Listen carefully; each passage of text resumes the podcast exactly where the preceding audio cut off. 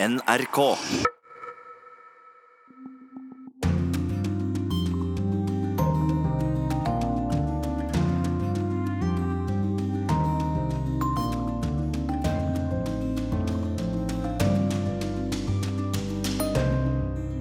Knivangrepet i Brussel i går kveld etterforskes som terror, mens antiterrorpolitiet jobber videre i Nederland og Spania. Mer enn 150 år etter krangler amerikanerne fortsatt om taperne i borgerkrigen. Torsdag er det 20 år siden prinsesse Diana døde. Vi tar et tilbakeblikk og spør om hun fortsatt betyr noe i dag. Kan statsledere som ikke tar klimaansvar settes i fengsel en dag? Det kan tenkes, sier den nye lederen for FNs utviklingsprogram. Og ukas korrespondentbrev er postlagt i Berlin. Guri Norstem har gjort seg noen tanker i terrorens tid. Vel møtt til Urix på lørdag, jeg heter Wenche Eriksen. Vi følger selvsagt også med på orkanen i Texas, og skal holde dere oppdatert med det som skjer der. Men først til Brussel og korrespondent Philip Lote, der eh, politiet igjen har innledet terroretterforskning etter et knivangrep i går kveld. Og Philip, hva var det som skjedde? Det som skjedde var at Rundt klokken åtte så ble to soldater som patruljerte gatene i sentrum av Brussel, angrepet av én en enkelt person. Eh, en av soldatene ble lettere skadd, men de reagerte ved å løsne skudd, og han ble truffet to ganger og døde senere av skadene. Dette skal være en belgisk borger av somalisk eh, opprinnelse. Eh, ifølge Belgias innenriksminister så er han ikke tidligere knyttet til terrorhandlinger, men har begått mindre lovbrudd. De hjemsøkte, de gikk gjennom hans bolig utenfor Brygge i natt, og der fant de Eh, to eksemplarer av Koranen og et eh, falskt skytevåpen.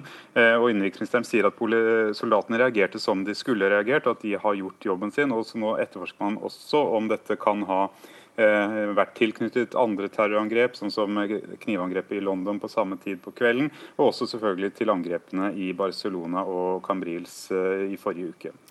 Takk så langt, Philip Lote. Du blir med oss videre.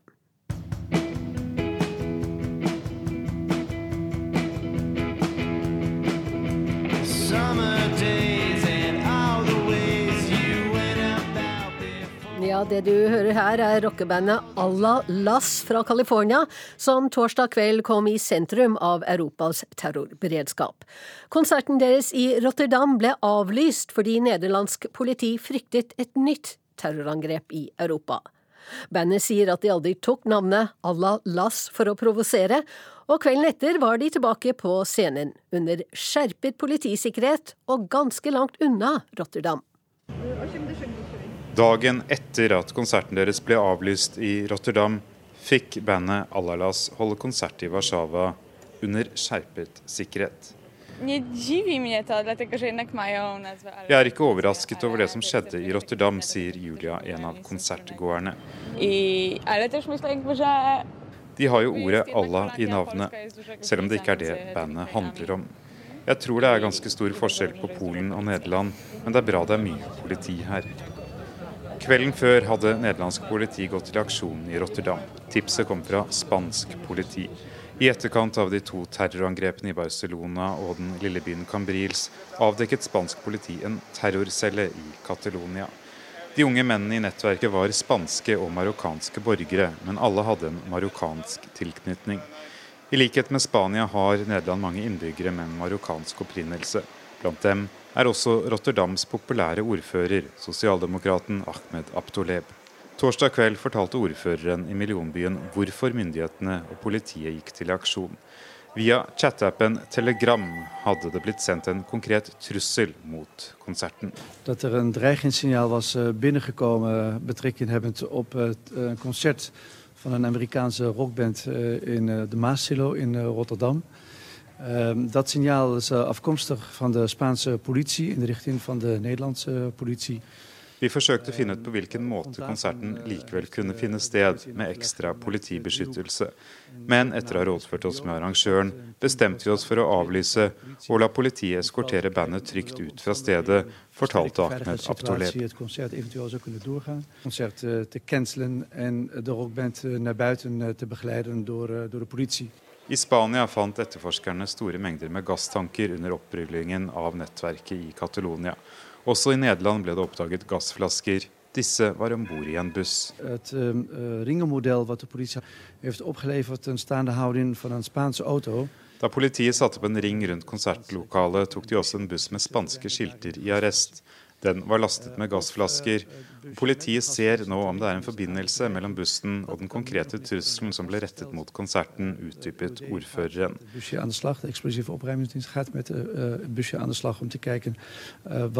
om hand is. En 22 år gammel person satt torsdag fredag i varetekt og blir avhørt av politiet i Nederland. Ja, Philip, hva sier politiet om eh, pågripelsen og den mulige terrortrusselen i Nederland torsdag kveld? Hva sier de nå? Ja, de, de, sier at denne unge mannen vil bli sittende i varetekt i noen dager, og de forsøker å etablere om dette var ment som en spøk. De tror det er han som sendte denne trusselen via eh, chattetjenesten Telegram. Og dette er en chattetjeneste terrorister har brukt før, fordi den tillater kryptering. Så det er vanskelig å spore meldingen tilbake til avsender. Eh, det var spansk eh, politi som hadde fanget opp denne meldingen og gitt nederlenderne beskjed om det. Og mange tror nå at dette faktisk var ment som en dårlig spøk, at 22-åringen ikke hadde noen konkrete planer om å gjennomføre noe angrep.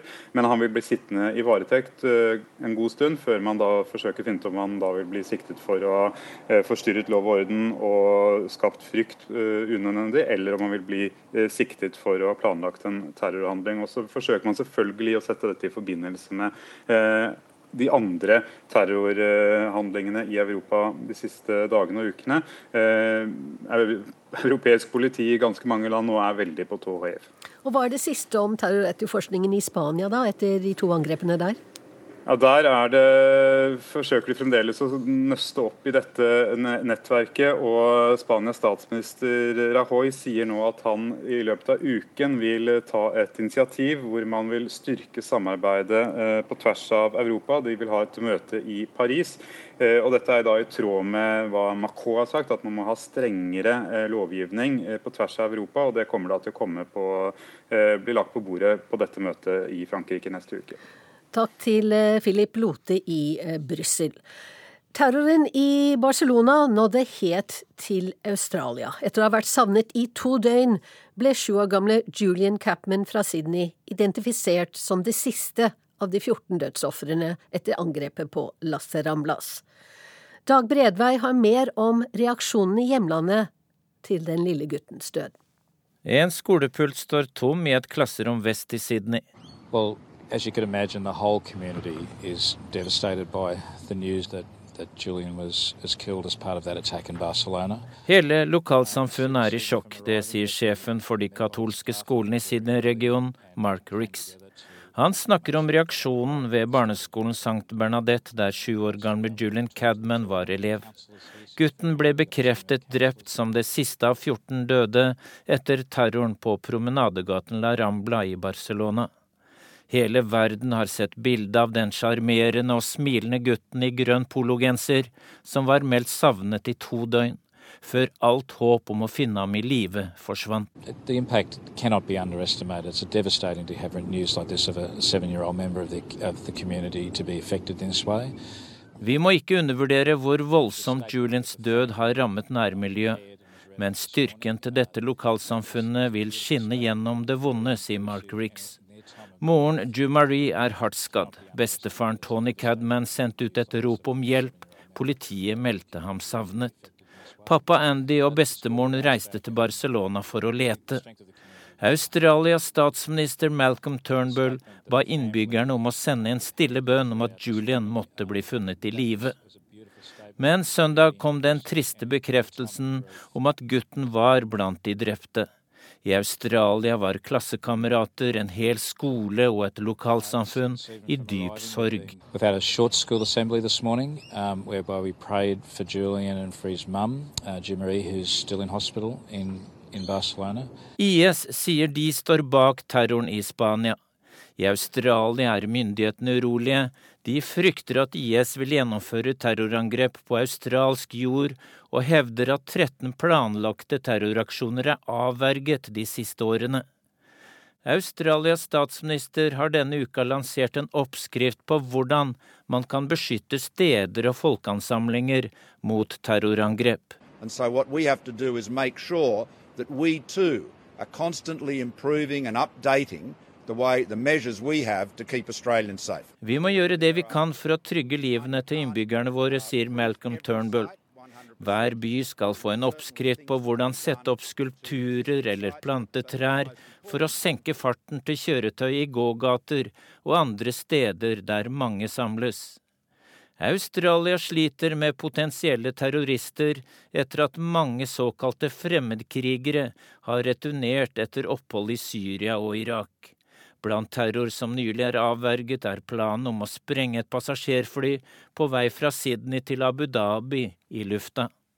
Med hjelp fra etterretning i Libanon ble terrorhandlingen avverget i siste liten. Det bekrefter Libanons innenriksminister Nohad Maknouk.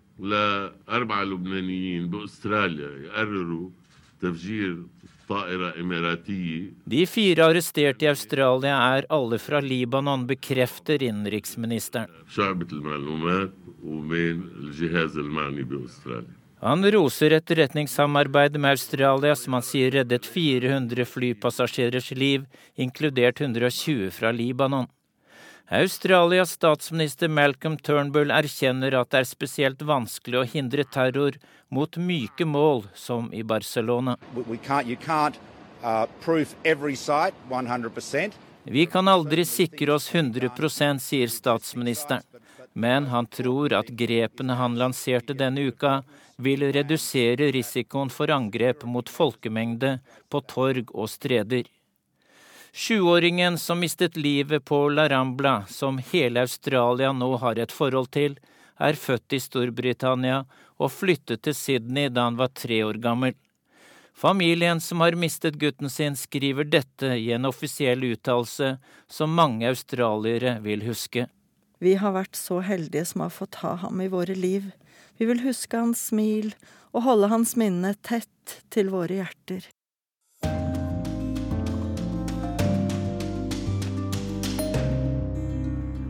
I USA har fortiden fått mye oppmerksomhet de siste ukene. Etter at myndighetene i byen Charlottesville for en tid siden bestemte å flytte en statue av sørstatsgeneralen Robert E. Lee, har debatten om amerikansk historie, og særlig borgerkrigen, blusset opp igjen. Det er mer enn 150 år siden borgerkrigen tok slutt, men vanlige amerikanere støter ofte på minner fra den tiden. Og det kan skje uten at de er klar over det, forteller Joar Ho Larsen.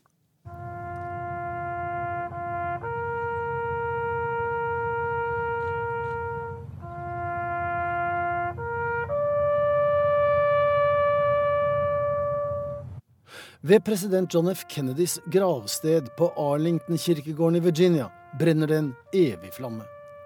For amerikanske patrioter er stedet hellig. De valfarter til monumentet. Med bøyd hode viser de landets 35. president den siste ære. Dersom de hever hodet en smule, så vil de på kollen bak og over graven se en staselig gul bygning. Der bodde i sin tid sørstatsgeneralen Robert E. Lee som de siste dagene er blitt stadig mer kontroversiell fordi han står på sokkel, bl.a. i Charlottesville. En statue som til stor applaus ble tildekket denne uken. I'm so excited that it's done and everything. Now they just need to fully, fully remove it. But this was a start. Arlington RS kirkegård ligger i Virginia midt imellom Pentagon og Iwo Jima-monumentet, minnesmerket over de fem soldatene som reiser det amerikanske flagget på den lille stillehavsøya Iwo Jima.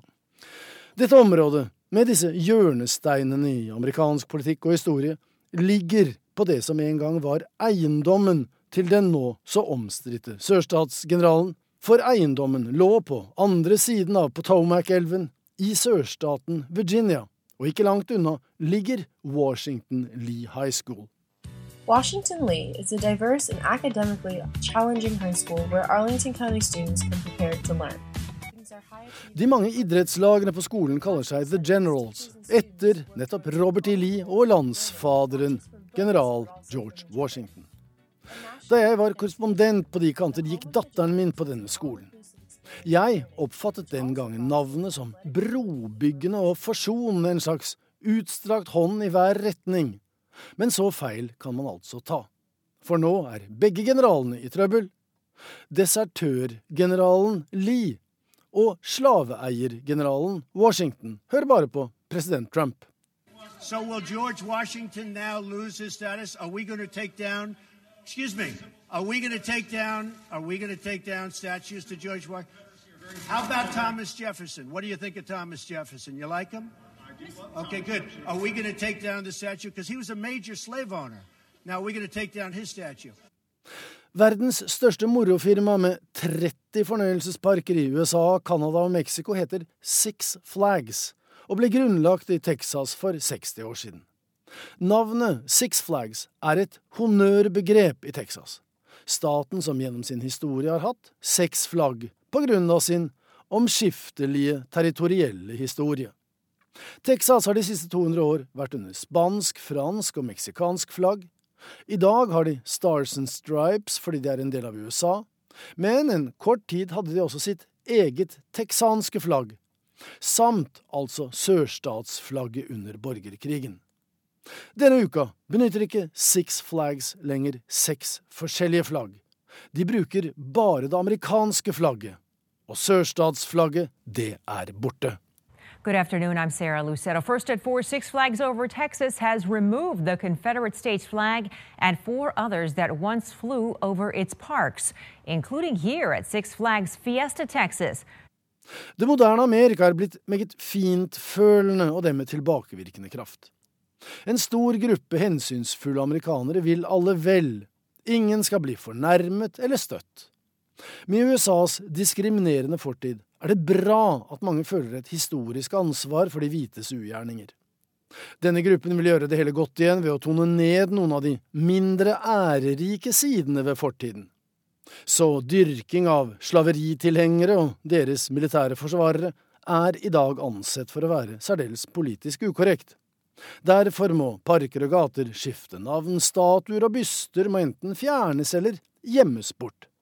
Men det kan ta tid, og det vil koste penger, for ifølge CNN er det over 1500 av disse minnesmerkene. And since then, there has been growing debate about whether Confederate monuments should continue to stand across the U.S. The Southern Poverty Law Center says there are at least 1,500 that dot the nation.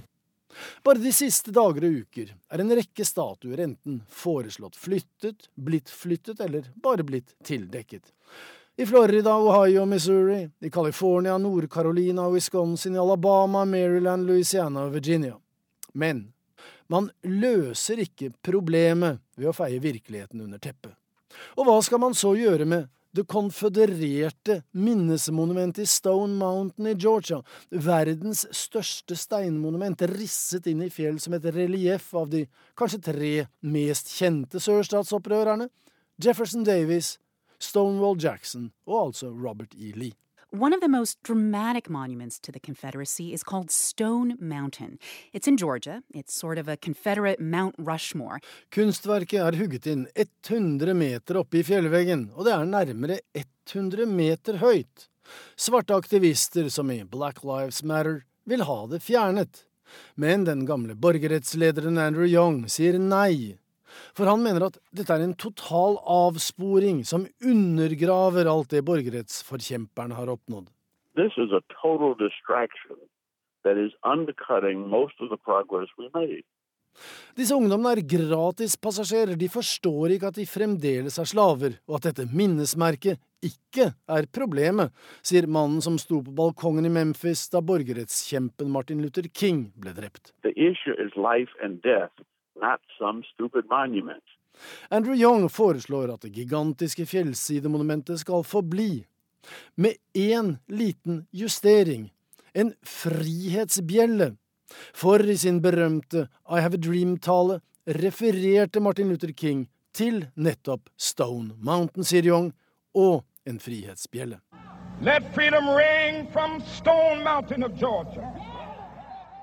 En slik klingende bjelle vil altså kunne bidra til mer frihet, likhet og brorskap enn om man tilslørte historien ved å fjerne hele fjellet.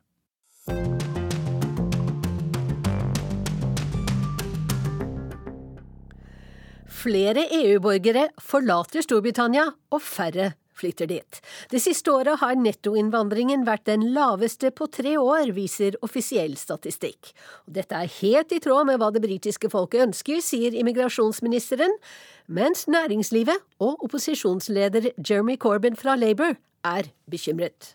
We have to look at what the effects of migration are on the lack of um, people working in the public service. The NHS, particularly in parts of England, are facing problems of nurse recruitment because of the reduction in the number of EU citizens coming. Virkningene av lavere immigrasjon må granskes. Hva den betyr for rekrutteringen av arbeidskraft til offentlig sektor, og spesielt til helsevesenet, sier Labour-leder Jeremy Corbyn. Det siste tiåret har det flommet innvandrere til Storbritannia, særlig fra EU-landene øst i Europa, som ble medlemmer av unionen i 2004. Nettoinnvandringen har bidratt til at øyriket enkelte år har fått opp mot 300 000 nye borgere. Men brexit har snudd dette. En polakk BBC har snakket med, i Cambridgeshire, sier de ikke føler seg så velkommen lenger, og han kan tenke seg å flytte. Many people think about, you know, new countries, new opportunities. We are not so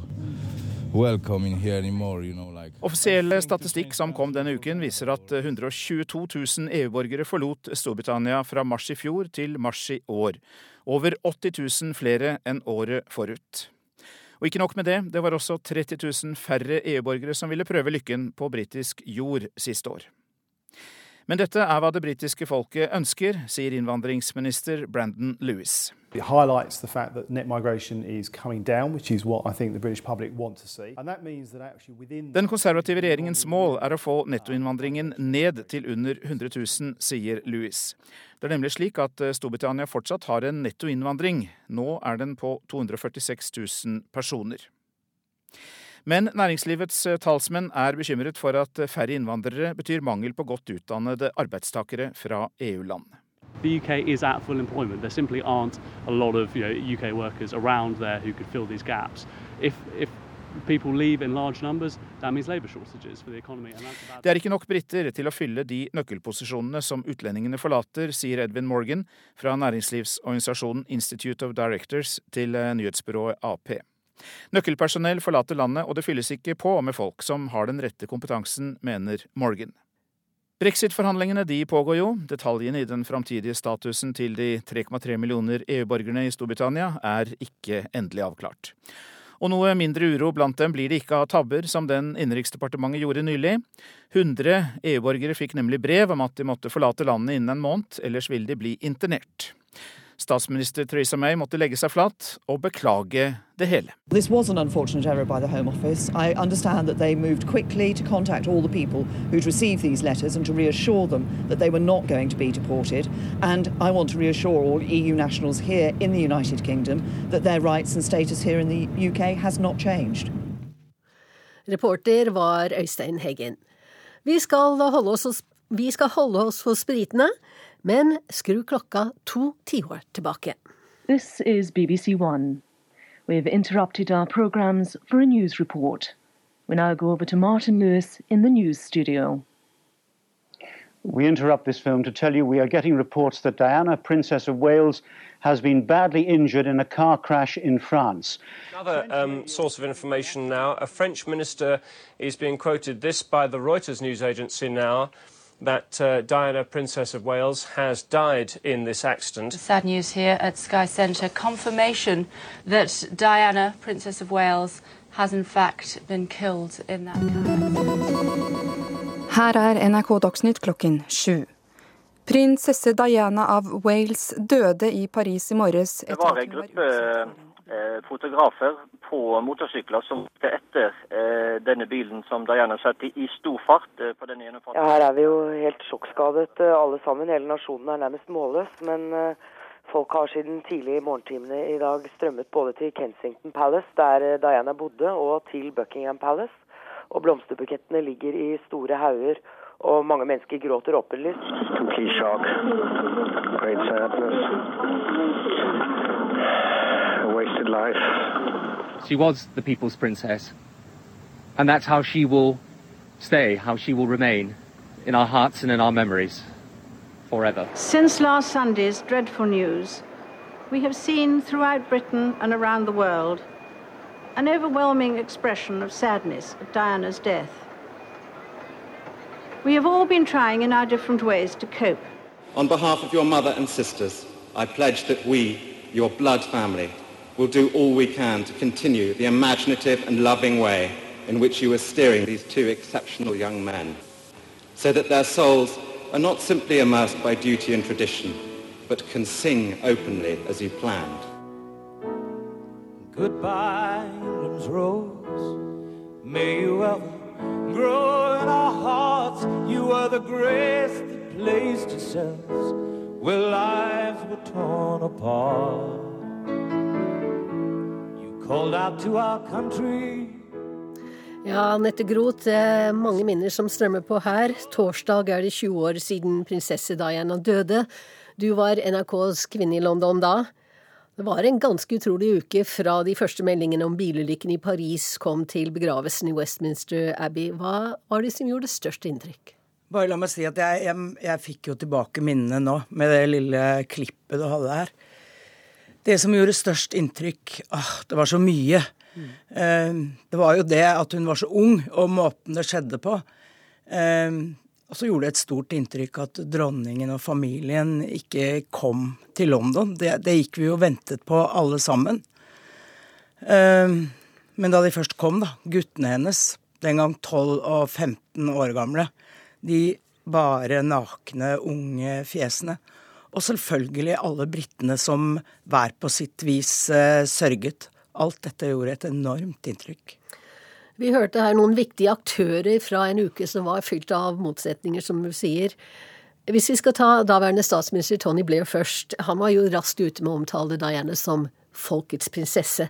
Tjente han på den måten han håndterte eh, denne nasjonale tragedien på? Jeg syns nesten det er litt rart å, å, spørre hvem som tjente på det, men uh, ja, jeg tror han gjorde det. Uh, det har jo gått frem senere også at det var han som la press på dronningen og familien om at de måtte komme seg ned til London og faktisk si noe om dette, selv om hun da var skilt fra prins Charles. Så ja, han håndterte det på en klok måte, tror jeg. Og så var det da kritikken som du nevner her mot dronning Elisabeth. Folk ventet og ventet, folk ble sinte rett og slett fordi de ikke hørte noe fra landets statsoverhode, eh, Dianas tidligere svigermor. De var rasende, rett og slett. Ja, jeg tror jo det at, eh, at, dette var et lavmål i forholdet mellom dronning Elisabeth og hennes folk, som jo har vært uh, veldig godt. Men dette tålte ikke folk. Og én ting er at de mente at barna skulle skjermes, og at det var det som var unnskyldningen, men at ikke hun kunne komme, og Charles kanskje, kunne komme til uh, London og si noe om denne store tragedien, det, det var et skikkelig lavmål. Kom jo til slutt, da. Ja, og så var det selve begravelsen hvor det egentlig denne motsetningen fortsatte med, som vi hørte, broren til Diana, Jarna Spencer, som altså, rett og slett kritiserte dem for å være virkelighetsfjerne.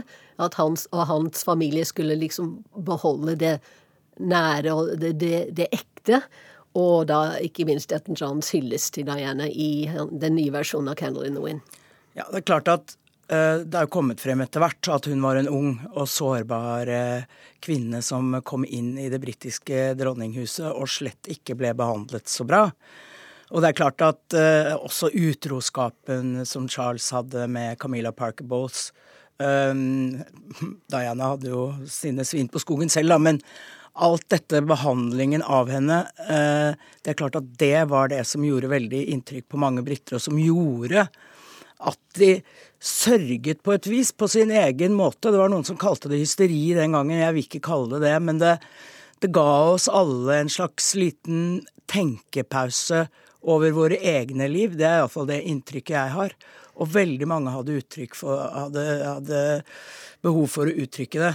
Det var altså Diana-bilder i, i, vinduene hjemme hos folk. Det sto milelange køer bare for å skrive seg inn i en kondolanseprotokoll. Og dette var alle typer mennesker, fra forretningsfolk i stripete dresser, til ungdom, til punkere, til hva du kan tenke deg. Og det skulle altså bare skrive seg inn der. Sånn at eh, det eh, behovet for å, for å gi uttrykk for sorgen sin, det var ganske spesielt. Jeg kommer aldri til å glemme det. Betyr Diane noe for dagens briter? Ja, det tror jeg. Eh, ikke minst gjennom sønnene hennes. Fordi hun, eh, hun har jo eh, Disse to sønnene har jo virkelig utviklet seg sånn som Diana helt sikkert hadde håpet. De arbeider videre med hennes store saker. altså Det kan være aids-syke, rusmisbrukere, ikke minst landminer, som hun jobbet med da hun døde. Og alt det der det, det, gjør at hun lever videre. Og minnet om henne er nok ganske present hos veldig, veldig mange briter fremdeles. Anette Groth, takk skal du ha for at du var med i Urix på lørdag.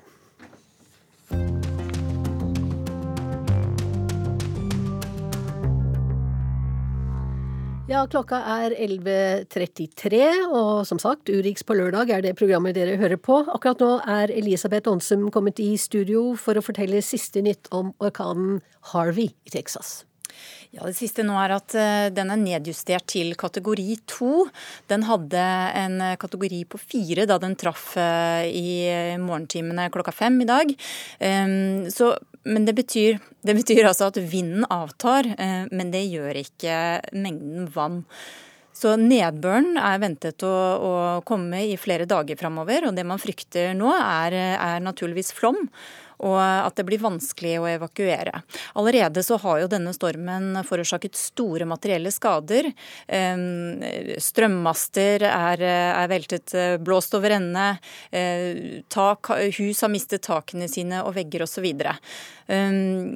Foreløpig så har det ikke meldinger om de store personskadene, men vi vet at eh, Ti, ti, personer, antagelig eldre, har, eh, får behandling ved et lokalt fengsel for, for, skader. Det er det et eh, lokalt eh, nyhetsbyrå som melder.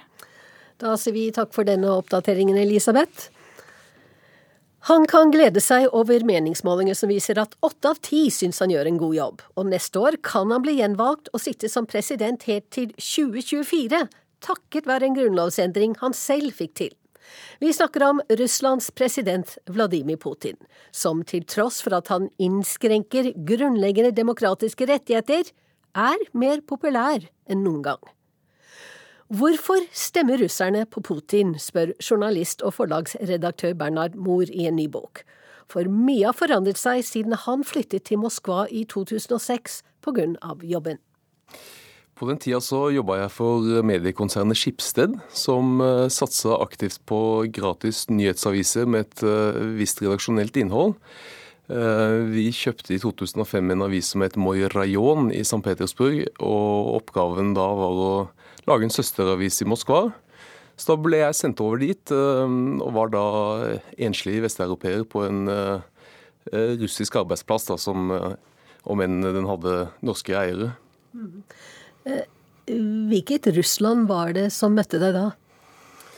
Ja, Russland for ti år siden. Jeg bodde der også i 2006 og 2007. Det var et land prega av eh, ja, jeg pleier å kalle det for kalt Klondyke-stemning. Det var eh, en tid da økonomien vokste voldsomt. Bruttonasjonalproduktet steg jo med sånn omtrent 10% i året en periode. Helt siden Vladimir Putin tok over som president eh, i 2000 og langt utover på 2000-tallet. Eh, økonomien kokte, arbeidsmarkedet kokte. Eh, og jeg tror vi var mange, både russere og, og vesteuropeere som bodde der borte, som tenkte at denne raske økonomiske utviklingen og det at det stadig kom nye internasjonale selskaper inn i Russland, over tid ville føre til en åpning mot Vesten. Og det var en optimistisk gjeng du jobbet sammen med, de andre som du jobbet sammen med i den avisa? Jeg kom inn i et miljø av uh, høyt utdannede, uh, liberalt innstilte, vestvendte unge russere som uh, kom fra hele landet. Det var veldig mange innflyttere på arbeidsplassen. og som da stort sett var ganske kritiske til Putin-regimet og den de tegnene til at uh, politikken var i ferd med å utvikle seg i mer autoritær retning. Og så ti år senere så reiser du tilbake til Russland igjen fordi det er noe som skurrer for deg. Um, noe du ikke forsto. Hva var det? Nei, Det som skjedde var jo at eh, finanskrisen traff Russland, og med det ble reklamemarkedet mye dårligere. Skipsted la om planene sine litt og solgte da avisa. Jeg begynte å jobbe med andre ting og fikk Russland litt på avstand. Eh, men så våren 2014 så skjer det jo noe som eh, på en måte kaller alle som har hatt noe med Russland å gjøre, tilbake til bordet. og Da tenker jeg selvfølgelig på, på Euromaidan-revolusjonen i Kiev og Russlands påfølgende anneksjon av Krim. og dårlig fordekte krigføring i Øst-Ukraina. Og Samtidig som eh, Russlands handlinger ble eh, kritisert av de fleste vestlige land, og 100 land i FN stemte for en resolusjon som fordømte Russlands handlinger, så så jeg jo at mange av de gamle kollegene støtta Putin og delte saker på Facebook som ehm, jeg tenker at de ikke ville ha delt for ti år siden. Altså slike ting som at eh, eh altså Påstander fra russiske medier om at eh, eh bombene i Lugansk Ukraina er Vestens forsøk på å tilintetgjøre det slaviske folk, var det en som skrev f.eks. Det overraska meg, og jeg ble veldig nysgjerrig på å finne ut hva var det som egentlig hadde skjedd. Hvorfor hadde disse menneskene som, som jeg tidligere tenkte hadde veldig like verdier og holdninger som meg selv, hvorfor hadde de endra oppfatning? Og hva fortalte de deg da du dro tilbake? Eh, for å ta de som, eh, som da er veldig pro Putin Jeg har jo da også intervjua folk som den gangen i 2006 var veldig kritiske til regimet, og fremdeles er det, og får også deres forklaringer på hvorfor så mange av landsmennene deres er positive til presidenten. Men um, for å ta som eksempel Larissa, en tidligere kollega som er utdanna innen markedsføring og kan mye om propaganda, f.eks. Hun mener jo at den økte propagandaen og ensrettingen i det russiske samfunnet er et gode. Fordi at uh, for ti år siden så hadde man bare liksom den pro-vestlige meningen i russiske medier, og det er fint med balanse. Uh, hun takker Putin for at uh, russere igjen har fått selvtillit. At etter 70 år med kommunisme som langt på vei ødela landet, så er man nå inne i en eh, gjenoppbyggingsfase hvor hun sier det er fremdeles veldig mye idioti i dette landet. Det er mange ting man kan kritisere, for f.eks. korrupsjon. Eh, men vi skjønte at vi, kunne, vi, kunne, vi kan ikke konkurrere med dere i Vesten. Vi må finne vår egen vei. og Der har Putin gitt oss selvtillit til å tro at vi kan finne en, en egen vei, og det er en annen vei enn den, den vesteuropeiske. Har de gitt opp demokratiet? Ja, jeg tror svaret på det rett og slett er ja. Altså både de som eh, Eller de, de, de fleste av både tilhengerne og motstanderne jeg intervjua, de, er, eh, de sier vel egentlig det. Eh, og så er det noen som er litt imellom, som sier at f.eks. Aleksej, en journalist som jeg var på sykkeltur med i Moskva, for han ville vise meg hvor moderne Moskva er blitt. Han sier jo at det største problemet er at folk er late og politisk apatiske. Uh, og det beste beviset på det er at han uh, som ønsker mer demokrati, uh, han og hans likesinnede de greier ikke å samle nok valgobservatører til valgene, og dermed fortsette jukset. Han sier at hvis folk bare hadde vært litt mindre late, så kunne vi beveget oss mot demokratiet. Det er ganske deprimerende bilder du tegner av, av, av Russland i, i, denne boka di. Preget av politisk apati, som du sier, og mangel på framtidshåp også. Ja, jeg tror at en av de store forskjellene på Russland for ti år siden og Russland i dag, er nettopp eh, det at for ti år siden så, så utvikla eh, ting seg så fort. Den økonomiske veksten var så stor. Eh, folk hadde fått en disponibel inntekt plutselig som var på nivå med, om ikke oss i Skandinavia, så folk i Sentral-Europa kanskje. Og det, det, det, Folk fikk det bedre enn de noen gang hadde hatt det, og trodde at dette ville vokse inn i, inn i himmelen. Og så kommer det da økonomiske kriser og politiske kriser. Og i dag ser jeg at folk eh, savner noe å tro på. Eh, og Det tror jeg også er noe av forklaringen til at Putins prosjekt er så populært. At eh, det gir folk noe å tro på. En av, de mer kritiske en av de aller mest kritiske, Grigori Kodnis, som, som Skipsets uh, avis der borte, han sier jo at ting er så ille at hvis du, hvis du tar det innover deg hver dag, så, så greier du ikke å, å leve. Du, du, du, må lukke øynene litt for hvor tung situasjonen er. Så du har fått et klart svar på spørsmålet du stilte. Hvorfor stemmer folk på Putin?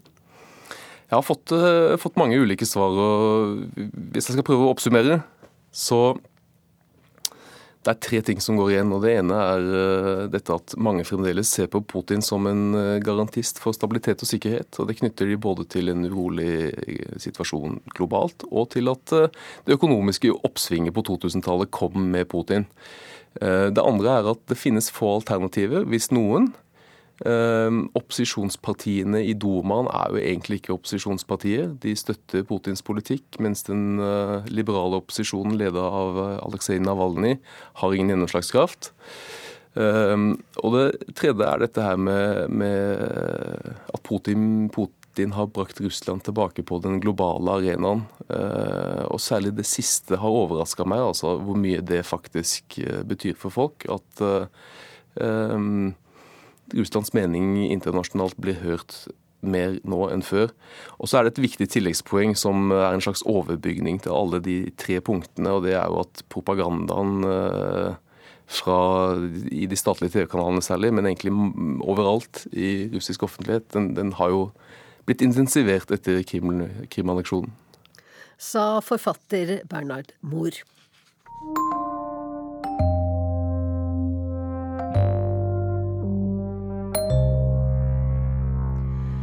Kan statsledere som ikke tar klimaansvar, en dag settes i fengsel. Det kan tenkes, sier Achim Steiner, den nye lederen for FNs utviklingsprogram UNDP.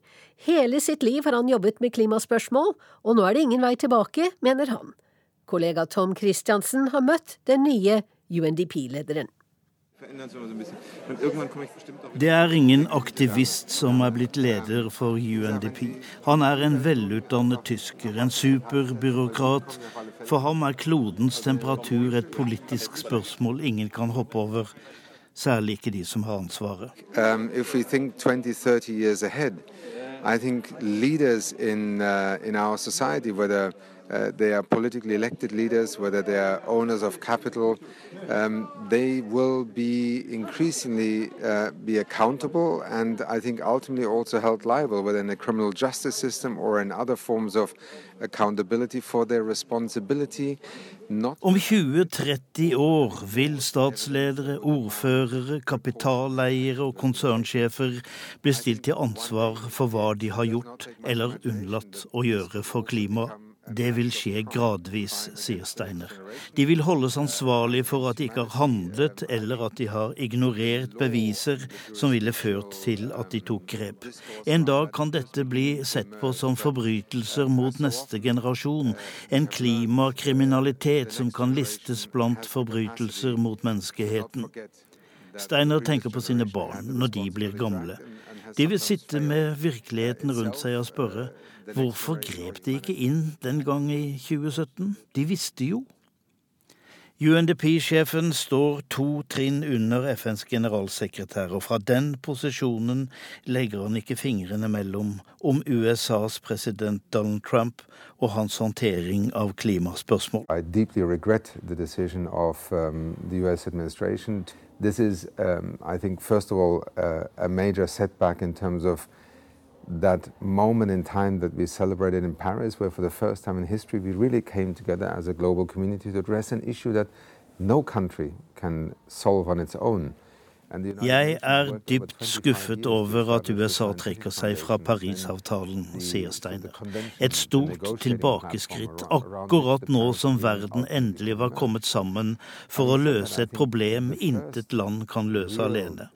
I 25 år har FN arbeidet for å finne det vitenskapelige grunnlaget for Parisavtalen. Det ironiske er at det er storforurenseren USA som kommer til å betale prisen og ta konsekvensen av sin beslutning. De står isolert i verden. Ingen andre land har fulgt dem. Ja, selv i USA står Trump-administrasjonen alene. Bedriftsledere følger Parisavtalens anbefalinger. Det samme gjør guvernører og lokale politiske ledere.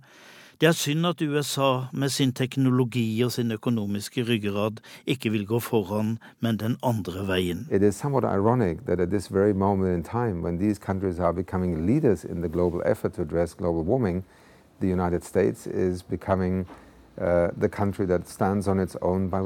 Det er en skjebnens ironi, sier Steiner, at det er land som Kina og India som tar lederposisjonen.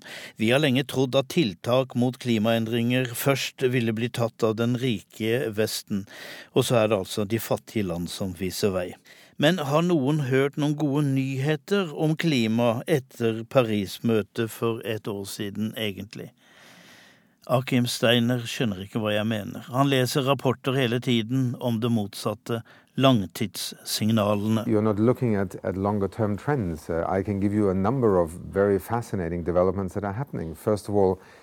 Det pågår en massiv ekspansjon av fornybar energi. Det er en energirevolusjon, sier Steiner. I løpet av to-tre år har investeringene innenfor ren energi doblet seg sammenlignet med kull, olje og gass. Transportsystemene er i endring. Biler og båter og tog transporterer varer og mennesker etter helt nye former. Særlig skjer dette i fattige land, for den nye teknologien er billigst. Solenergi i India, de har all den sol de trenger. Fornyelsene i Afrika løfter folk ut av fattigdommen. Selskapene skifter produksjonsmetoder, ikke av et mildt hjerte, men fordi det lønner seg. For den gamle verdens del nevner han Norge. Vi har bygget vår velstand på energiformer som skaper klimaforandringer, men Norge er også et foregangsland på grønne løsninger. Men gode eksempler til tross, vil verden lykkes? Det syns Akim Steiner var et veldig tilbakelent sofaspørsmål. Fins det egentlig noe alternativ til å prøve? So, are we going to succeed? Who knows? Have we got any option but to try? Absolutely not. Ukas korrespondentbrev er postlagt av Guri Nordstrøm i Berlin og handler om tanker i terrorens tid. Tårene kommer først på flyet hjem. Frem til da har jeg skjøvet de foran meg av døgnet rundt-arbeid med deadlines, research, direkterapporter, opptak, intervjuer, redigeringer, oppdateringer, leveringer til radio, TV, nett og sosiale medier, logistikkutfordringer med fly, leiebil, offentlig transport, geografi og hotell, passeringer av politikontroller, administrering av e-poster og telefoner fra NRKs mange programmer og desker. Kort sagt alt som må gjøres i løpet av noen hektiske døgn i felt, i løpet av et rykk til et breaking news-område. Men nå er jeg på vei hjem fra enda noen terrorangrep i Europa, denne gangen i Cambrils og Barcelona, og har tid til å sette meg ned og tenke en sammenhengende tanke. Og etter altfor mange slike erfaringer har jeg dessverre blitt kjent med eget reaksjonsmønster. Når trykket har lagt seg, må jeg først gråte ut. Deretter sjekke at det står bra til med mine aller nærmeste, og gi beskjed til dem om at jeg er glad i dem, i tilfelle jeg plutselig skulle miste dem. Så må jeg ha en dag å pusle hjemme på med å rydde i huset, slik at jeg også får ryddet opp i hodet. Og så gjøre den alltid halvpakkede kofferten klar igjen, klar til neste rykk og neste angrep. Det er erfaringer jeg skulle ønske vi og jeg ikke hadde hatt. For dessverre har disse angrepene blitt rutine nå. Ikke bare for oss journalister som jobber i nyhetsmediene, men også for folk flest. Det skjer jo hele tida, er nesten blitt en del av hverdagen, sier mange jeg kjenner. Før kunne jeg bli veldig lei meg over denne holdningen. Stå midt oppe i tragedien selv, og så slå opp på Facebook og se at etter noen dager så bryr folk seg om helt andre ting. Følelsen av at det man fortalte om, ikke nådde frem. At folk ikke forsto alvoret. Nå derimot, slik verden har blitt, setter jeg pris på at det finnes fristeder med fjas i fokus. For folk forstår. Men livet må gå videre. Så også denne gangen. Samtidig som jeg rapporterer fra Spania, dukker det plutselig opp en tullete diskusjon om bruk av oppvaskhansker på Snapchat-gruppa til vennegjengen. Totalt trivielt, men gi meg heller tusen slike tullediskusjoner enn nok et meningsløst angrep på uskyldige sivile. For terror har, dessverre, nærmest blitt en selvfølge de siste årene. Noe man må regne med at kan ramme når som helst, hvor som helst og hvem som helst. Siden 2015 har det vært 17 større terrorangrep i europeiske storbyer, i tillegg til flere mindre angrep. Og ukentlig kommer det meldinger om hvordan angrep er avverget. Samtidig som jeg skriver dette, kommer det hastemeldinger om at politisamarbeid på tvers av landegrensene har avverget et bombeangrep på en konsert i Nederland. Dramaturgien når terrorangrepene skjer, er, dessverre, blitt drillet inn i redaksjonene. Først ekstrasendinger når de første og alltid motstridende meldingene tikker inn, som senere må tilbakevises og korrigeres. Så kritikk på Twitter når vi timevis ikke har noe nytt å komme med, men likevel holder sendingene gående fordi vi vet at hvis vi ikke gjør det, så får vi kritikk for at vi ikke dekket det nok. Og med stadig flere nordmenn på reisefot i Europa har mange behov for å vite hva som har skjedd. Deretter jakten med å kartlegge hendelsesforløpet. Hvem som står bak, hvem som er ofrene. Er det nordmenn blant dem? Ring ambassaden ring UD. Senere øyenvitner som forteller, pårørende som får sitt livs verste beskjed, lys- og blomsterhavene som vokser der angrepene skjedde, støtteerklæringer og fordømmelser fra andre statsledere, offisielle som kommer sørgende til åstedene i sorte biler, sorte klær, saker om hvordan sikkerheten er nå, hva er trusselnivået, minnegudstjenester, begravelser. Jeg får ofte spørsmål om jeg er redd når jeg i all hast reiser ut for å dekke disse sakene. Ikke ofte, men av og til har jeg kjent på en viss uro. Som da jeg satt i taxi til terrorangrepet mot julemarkedet i Berlin 19.12.2016, og det kom klare meldinger på radioen om at politiet ba alle holde seg inne fordi situasjonen var uavklart. Eller under terrorangrepene i Paris 13.11.2015, der IS-terrorister slo til på seks forskjellige steder og drepte 130 mennesker. Politiets jakt på terrornettverket drøyde. I dagene etter angrepet ble det mange togturer tur-retur Brussel-Paris for å henge med i etterforskningen. Idet fotografen og jeg går av på jernbanestasjonen i Brussel, ser jeg plutselig at mannen foran meg gjør en brå håndbevegelse. Jeg hopper opp, slår armen ut foran fotografen og gisper 'løp'! I samme sekund ser jeg at de som går foran meg, er et japansk par, og at det som jeg trodde var et våpen, er en selfiestang. Men mest av alt er det verken redsel eller arbeidspresset som er det vanskelige. Det aller tøffeste er å møte mennesker i bunnløs sorg. Se fortvilelsen i øynene, kjenne på det samme sinnet og maktesløsheten og de samme spørsmålene om og om igjen. Hvorfor oss? Og når skal dette totale vanviddet en gang ta slutt? Men paradoksalt nok er det også dekningen av disse angrepene som har gitt meg mest tro på menneskeheten igjen. At når alt kommer til alt, så finnes det tross alt mer kjærlighet enn hat der ute. Som f.eks. etter terrorangrepet i Barcelona nå, der drosjesjåførene kjørte folk gratis hjem etter hendelsen. Eller de over 8000 barcelonerne som hadde meldt seg på Facebook for å frivillig bistå med alt fra husly, tolke- og psykologtjenester. Eller alle dem som sto på La Rambla i dagene etterpå med skilt om at de ga ut gratis klemmer. 80-åringen som begynte å storgråte da jeg intervjuet henne, og etterpå tok hendene mine og takket. Takket for at jeg ville lytte. Selv om det er jeg som burde ha takket for at hun ville dele. Eller etter terrorangrepet i NIS 14.07.2016, der 86 mennesker ble drept på strandpromenaden. Møtene og samtalene med dem som nå i ettertid fortsatt sliter med dårlig samvittighet fordi de ikke klarte å hjelpe folk rundt seg å overleve. Selv om det ikke er noe noen kan forvente av et menneske som blir utsatt for et slikt angrep. Og faren, som hadde tatt med seg sin fem år gamle sønn på strandpromenaden to dager etter angrepet, for å vise ham at det var trygt igjen nå, at folk flest vil hverandre vel. I hendene holdt femåringen en hvit lekevarebil, en miniatyrutgave som lignet på bilen som ble brukt under angrepet.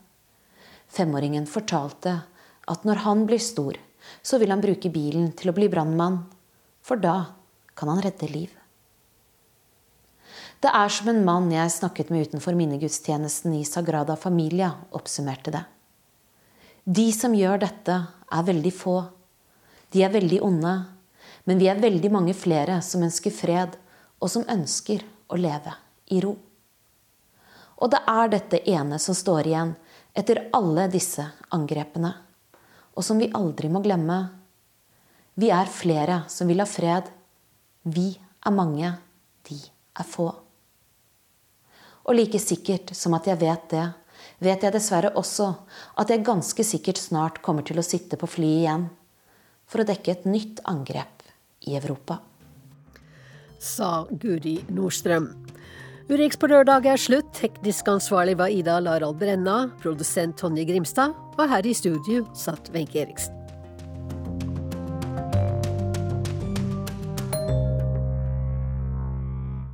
NRK.